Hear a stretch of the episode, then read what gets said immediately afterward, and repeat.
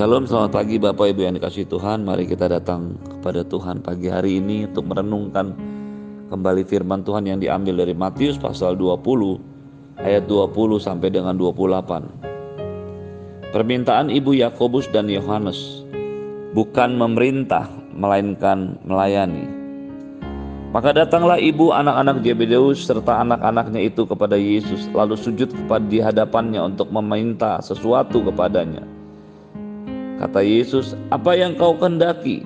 Jawabnya, "Berilah perintah supaya kedua anakku ini boleh duduk kelak di dalam kerajaanmu, yang seorang di sebelah kananmu dan yang seorang lagi di sebelah kirimu." Tetapi Yesus menjawab katanya, "Kamu tidak tahu apa yang kamu minta. Dapatkah kamu meminum cawan yang harus kuminum?" Kata mereka kepadanya, "Kami dapat."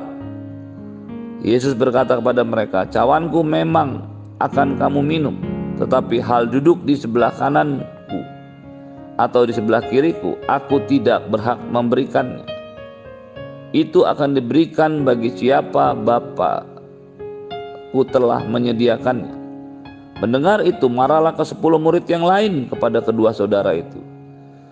Yesus memanggil mereka lalu berkata, Kamu tahu bahwa pemerintah-pemerintah bangsa-bangsa memerintah rakyatnya dengan tangan besi, dan pembesar-pembesar menjalankan kuasanya dengan keras atas mereka. Tidaklah demikian di antara kamu. Barang siapa ingin menjadi besar di antara kamu, hendaklah ia menjadi pelayanmu. Dan barang siapa ingin menjadi terkemuka di antara kamu, hendaklah ia menjadi hambamu. Sama seperti anak manusia datang bukan untuk dilayani, melainkan untuk melayani dan untuk memberikan nyawanya menjadi tebusan bagi banyak orang. Bapak Ibu yang dikasih Tuhan, Pagi hari ini kita membaca sebuah peristiwa yang luar biasa yang dialami Tuhan Yesus bersama dengan murid-muridnya. Ketika Tuhan Yesus baru saja menyampaikan untuk ketiga kalinya bahwa dia harus pergi ke Yerusalem dan diserahkan kepada imam kepala dan ahli Taurat, lalu disesah, dihukum, dan dibunuh mati dan dikuburkan dan bangkit pada hari yang ketiga. Ketika ia sudah menyampaikan untuk ketiga kalinya tentang hal ini, maka datanglah ibu daripada Yohanes dan Yakobus, anak-anak Zebedeus, bersama dengan kedua anaknya itu kepada Tuhan Yesus. Mereka bersujud di depan Yesus dan mengajukan sebuah permintaan Ketika ditanya oleh Tuhan Yesus apa yang hendak kamu minta, apa yang hendak kamu kehendaki, apakah yang kamu kehendaki? Maka ibu dari Yohanes dan Yakobus yang di bagian lain daripada Alkitab dalam kitab Markus dalam kitab Yohanes disampaikan bahwa dia bernama Salome. Meminta kepada Yesus berilah perintah supaya kedua anakku ini boleh duduk kelak dalam kerajaanmu, yang seorang di sebelah kananmu dan yang seorang lagi di sebelah kirimu. Kita tidak tahu siapa yang mempunyai ide atau keinginan awal mengajukan permintaan ini kepada Tuhan Yesus. Apakah ini keinginan berasal dari Salome atau ibu daripada Yohanes dan Yakobus sendiri? Atau memang ini keinginan kedua anaknya itu. Menarik untuk kita mengerti Bapak Ibu sekalian bahwa permintaan duduk di sebelah kanan dan di sebelah kiri Yesus ini terjadi ketika Tuhan Yesus sedang menjelaskan bahwa dia harus menderita di kayu salib mati, dikuburkan, lalu dibangkitkan pada hari yang ketiga. Mungkin kata-kata yang terakhir tentang kebangkitan Tuhan Yesus inilah yang membuat mereka berpikir tentang kehidupan setelah kematian, kehidupan di dalam kerajaan Allah, di mana Tuhan Yesus adalah Tuhannya. Bapak Ibu yang dikasih Tuhan, ketika mereka datang pada Yesus dan meminta, Tuhan Yesus dengan sabar menjelaskan kepada mereka, "Kamu tidak tahu apa yang kamu minta." Terjemahan lain yang lebih baik mengatakan kamu tidak menyadari betul apa yang kamu inginkan. Bapak Ibu yang dikasih Tuhan, sering kali kita meminta sesuatu, tetapi kita tidak mengerti bahwa apa yang kita minta itu sebenarnya sesuatu yang tidak kita mengerti dengan benar. Tuhan Yesus berkata, Dapatkah kamu meminum cawan yang harus kuminum? Kata mereka kepadanya, kami dapat. Yesus berkata kepada mereka, cawanku memang akan kamu minum. Tapi hal duduk di sebelah kananku atau sebelah kiriku, aku tidak berhak memberikannya. Itu akan diberikan kepada orang-orang bagi siapa? Bapakku telah menyediakannya. Ketika mereka berbicara tentang kedudukan, posisi yang istimewa di sebelah kanan dan di sebelah kiri Tuhan Yesus, Tuhan Yesus langsung berkata, Dapatkah kamu minum cawan yang aku minum? Terjemahan asli daripada ayat ini sebenarnya mencantumkan bukan hanya tentang meminum cawan, tetapi juga dapatkah kamu mengikuti, mengalami, melakukan baptisan seperti yang aku alami. Tentu saja ini mengacu bukan tentang sebuah baptisan yang dialami Tuhan Yesus di Sungai Yordan, karena murid-murid Yesus pun juga dibaptis. Tetapi ini adalah sebuah penjelasan lanjutan tentang meminum cawan. Cawan adalah sebuah tempat air, bejana air, wadah air yang bisa digunakan untuk meminum dan bisa digunakan juga untuk membasuh wajah. Ketika Tuhan Yesus berbicara, "Dapatkah kamu minum cawan yang aku minum?" Dan mereka berkata, "Dapat." Ya, kata Tuhan Yesus, kamu dapat meminumnya, tapi kamu tidak dapat mengikuti baptisan yang aku terima. Apakah yang dimaksudkan dengan Tuhan Yesus dapatkah kamu meminum cawan? Dia sedang berbicara tentang sebuah penderitaan. Memang murid-muridnya akan mengalami penderitaan yang sama, tetapi mereka tidak akan pernah mengalami persis apa yang dialami Tuhan Yesus. Meminum cawan hanya merupakan tindakan untuk merasakan air yang sama, tetapi tenggelam di dalam air seperti baptisan yang bahasa aslinya adalah baptiso ditenggelamkan. Sebuah perkara yang berbeda.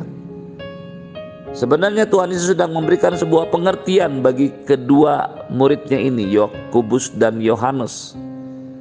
Bahwa kamu tidak menyadari apa yang kamu minta. Kamu berbicara tentang kedudukan, tetapi aku berbicara tentang sebuah kewajiban.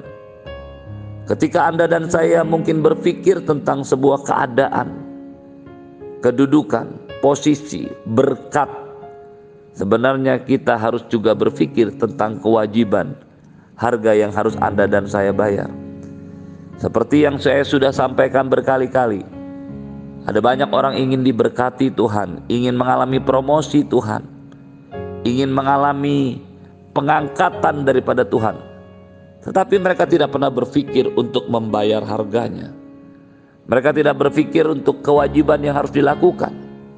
Bapak Ibu yang dikasih Tuhan, ketika Anda dan saya mengerti harga yang harus kita bayar, kewajiban yang kita harus kerjakan, hati yang harus diubahkan dan dipersiapkan, maka kita akan berjalan menuju jalan promosinya Tuhan. Ketika Anda dan saya ingin diberkati Tuhan, maka Anda dan saya harus percaya, taat, dan melakukan kehendak Tuhan. Tidaklah mungkin Anda dan saya hanya mau menikmati berkat Tuhan tanpa mengikuti perintah Tuhan. Perjanjian Allah dengan Abraham mengikat kedua belah pihak. Dari sisi Allah, Allah memberikan perjanjiannya. Dari sisi Abraham, dia harus melakukan bagiannya. Kita tidak hanya bisa berpikir tentang berkat Abraham, tujuh berkat Abraham, tanpa Anda dan saya melihat bagaimana iman Abraham diubahkan hari demi hari, waktu demi waktu. Sehingga setelah 24 tahun dia mendengar janji Tuhan, barulah dia mendapatkan apa yang dijanjikan Tuhan, yaitu keturunannya melalui Ishak. Bapak Ibu yang dikasih Tuhan, mengapa kita tidak berpikir untuk menyiapkan diri kita menerima berkat Tuhan? ketimbang berpikir hanya tentang berkat Tuhan saja. Saya tidak mengatakan ini bahwa berkat Tuhan itu merupakan sesuatu hasil kerja keras kita. Tentu saja pada akhirnya semuanya merupakan kasih karunia. Inilah yang ditegaskan oleh Tuhan Yesus. Aku tidak berhak memberikannya kepada kamu. Duduk di sebelah kanan atau sebelah kiriku. Itu merupakan haknya Tuhan haknya Bapa untuk memberikan kepada siapa yang dikendakinya.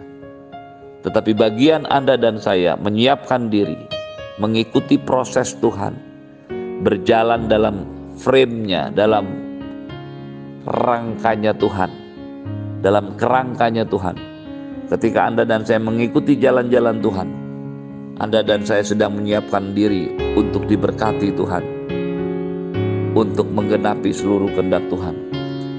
Ketika hal ini didengar oleh ke sepuluh murid yang lain, mereka menjadi sangat marah karena ternyata mereka semua menginginkan posisi itu. Ketika melihat apa yang terjadi dengan murid-muridnya, Tuhan Yesus mengajar mereka sebuah pengajaran yang sangat luar biasa kamu tahu bahwa pemerintah-pemerintah bangsa-bangsa memerintah rakyatnya dengan tangan besi dan pembesar-pembesar menjalankan kuasanya dengan keras atas mereka. Tidaklah demikian di antara kamu. Barang siapa menjadi besar, ingin menjadi besar di antara kamu, hendaklah ia menjadi pelayanmu. Dan barang siapa ingin menjadi terkemuka di antara kamu, hendaklah ia menjadi hambamu. Ketika murid-muridnya berbicara tentang posisi dan kedudukan dan otoritas dan kuasa, mereka berpikir menurut pikiran yang ada, yang mereka lihat, yang mereka ketahui di dunia ini. Itu sebabnya Tuhan Yesus mengadakan sebuah pembatasan. Pemerintah di dunia boleh menjalankan kekuasaannya, memerintah, tetapi tidaklah demikian di antara kamu. Dengan batasan ini Tuhan Yesus ingin menyampaikan cara-cara pola pikir yang ada dalam dunia berbeda dengan kerajaan surga. Tidaklah demikian di antara kamu menjadi sebuah penegasan. Jangan pernah membawa cara-cara dunia ke dalam perkara-perkara ilahi, perkara-perkara rohani. Bapak Ibu yang dikasih Tuhan, dengan tegas dia berkata, Barang siapa ingin menjadi besar di antara kamu, hendaklah ia menjadi pelayan. Dan barang siapa ingin menjadi terkemuka, hendaklah ia menjadi hambamu. Ketika mereka berbicara tentang kedudukan, murid-murid Tuhan berbicara tentang kedudukan, otoritas dan kuasa, kehormatan. Dia berbicara tentang sebuah kehambaan. Dimulai dari sikap hati. Lalu yang kedua, adalah tindakan yang nyata. Ketika kita berpikir tentang kedudukan dengan cara dunia ini, maka kita berpikir bagaimana mencapai kedudukan itu. Tetapi Tuhan berbicara tentang menyiapkan diri dan hati untuk sampai ke sana. Tidaklah demikian di antara kamu. Jangan pernah bertindak, berpikir, melakukan cara-cara duniawi ini untuk perkara-perkara surgawi. Engkau akan kecewa dan gagal karena surga, kerajaan Allah punya pola pikir yang berbeda. Engkau ingin menjadi terkemuka, boleh. Engkau ingin menjadi besar, bisa. Tapi caranya harus cara surgawi, cara ilahi. Menjadi pelayan, melayani, menjadi hamba, merendahkan diri.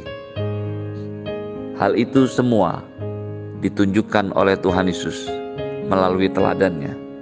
Sama seperti anak manusia datang bukan untuk melayani, bukan untuk dilayani, melainkan untuk melayani dan memberikan nyawanya bagi banyak orang. Apakah prinsip hidup kita hari-hari ini? Apakah kita ingin dilayani atau kita mau melayani? Apakah kita ingin dipuji atau kita ingin memuji? Apakah kita ingin diangkat atau kita ingin mulai belajar merendahkan diri. Pagi hari ini ikutilah teladan teladan daripada Tuhan kita Yesus Kristus. Dia datang bukan untuk dilayani, melainkan untuk melayani. Seseorang yang punya hati melayani. Dia tidak peduli dia dianggap, dia disanjung, dia dihormati atau tidak. Karena dia datang untuk melayani dan memberikan nyawanya bagi banyak orang. Dia tidak takut kehilangan wajahnya, kehilangan mukanya, karena memang dia sudah memberikan dirinya untuk melayani. Dia tidak perlu pujian karena dia memang adalah seorang hamba yang mengabdikan diri. Pagi hari ini Bapak Ibu yang dikasih Tuhan, mari kita belajar bersama-sama menyiapkan hati, menyiapkan diri, dan mulai melayani. Berkat dari Allah Bapa, cinta kasih dari Tuhan Yesus, penyertaan yang sempurna dari Roh Kudus, menyertai hidupmu hari ini dan sampai selama-lamanya.